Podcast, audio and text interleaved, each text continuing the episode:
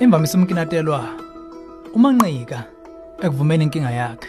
Futhi uzabe namagamana uma ezwe igama umkinatelwa manje ungacabanga ukuthi ngikhuluma ngomkinatelwa sidakamizwa kumbe uphuzo. Kodwa namhlanje ngikhuluma ngokinatelo addiction olubamba abantu bengazelele lolo ngolemidlalo yekhompyutha nama-cellphone.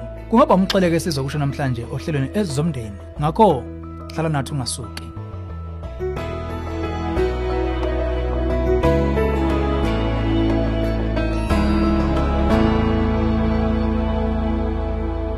Kwahle bahloso ukuba ngikubengelele ezomndeni uhlelo lwakho lukulethele izeluleko eziphathekayo ngaba ka-focus on the family. Sithola umbuzo kumlaleli obekubuci bokukenatelwa imidlalo yama-electronic. Ubuze wathi ngingazi kanjani ukuthi senginenkinga enqala ngama-electronic nama-online games? Ngingavuma ngikhonzile ukudlala. Uma ngiphuma emsebenzini njalo ntambama ngiya kuma-electronic games ami indlela yami yokuphumuza ingqondo emva kosuku obelisukade lisinda inkinga ekhona yodwa ukuthi ngishadile. Ngingubaba manje unkosikazi wami useqala ukukhalaza. Wangitshela ngolunye usuku ukuthi sengikinatelwe amagame iyenzeka into enjalo kodwa.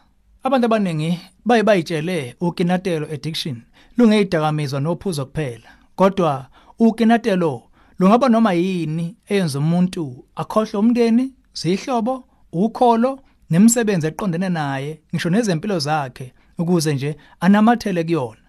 Kunobufakazi bokuthi ama-electronic game asiyakwazi ukubeka umuntu kulelo zinga. Ngaphandle kochazo olubekile sithanda ukuvumelana nonkosikazi wakho ngokubuka kwakhe isimo ubuka kunenkinga enkulu nebala. Futhi hlehlehle uzokala uyindoda ekuphikayo lokhu. Abezempilo abasebenza ngengqondo bayavuma ukuthi kunenkinga nebala ngokwe-psychology. Ngokwa-dr robert caster ukuphika ngokwe-psychiatry kuchaza ukuthi ukwenqaba ukuvuma into ekuwe liqobo. Uyibeka esimweni lakhona uthi akukho nkinga kuwe. Lokho ke kungumqondo ovamise kakhulu kwabaningi abakinatele izinto ezahlukene. Uma kunendoduzo esingakupha yona ngeyokuthi kawuwedwa. Lapho ko focus on the family sasithola inqwaba yengcingo ngeaddiction yamagame namavideo kuleminyaka edlule. Lokhu sekube inkinga enqala kweminye imindeni osekushaya nowakho ke futhi. Ungathi mhlambe sikuhlola ngokusheshsha futhi kanzima.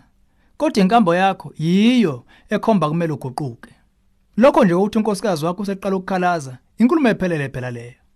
Sekuyisikhathi uqala ubuke iziphi izinto eziseqhuni bese uyabuka ukuthi indlela yakho yokuphila uthinta kanjani umndeni wakho. Njengoba kunzima ukunqoba lokhu ngokwakho wedwa sikhuthaza ukuxhumana nomeluleki ongumKristu. Sicela ukuxhumana nomnyango wezokweluleka efocus on the family. La khona izisebenzi zethu zingakuxhumana nongoti bezokweluleka baseduze nawe. Bangaphinde bajabule futhi ukukusiza uhlabele phambili ngokuthi baxoxe nawe ngocingo. Inombolo lethu ithi 031 716 3300 kumbe ungene ku safamily.co.za bese ucofa ku counseling link. Uma sewuqala ululeko amathuba maningi ukuba nomfundisi wakho naye angene ngokosizo. Unkosikazi wakho nabahlobo kumbe abangani babe ingxenye futhi. Umluleki angahlela isikhathi lakho nonke nizoxoxa ngezinga lalenkinga. Uma sekuhleliwe sicela umelana nesilingo sokuyivikela. Uma udinga ngempela usizo udinga ukuyithoba uhlawulela inkambo yokuvuleleka ezidingweni zomkakho nezingane zakho nasekuboni kwalabo abakuthandayo nabonozwelo ngempilo yakho nomndeni wakho.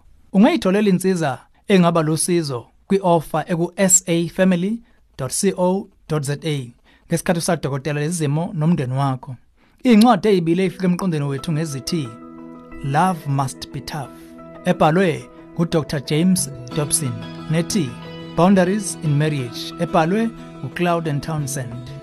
Lolu hlelo ezomndeni ulethulelwe yifocus on the family sihlangabezwa hlelo luzayo sesihlabelisa phambili umndeni wakho.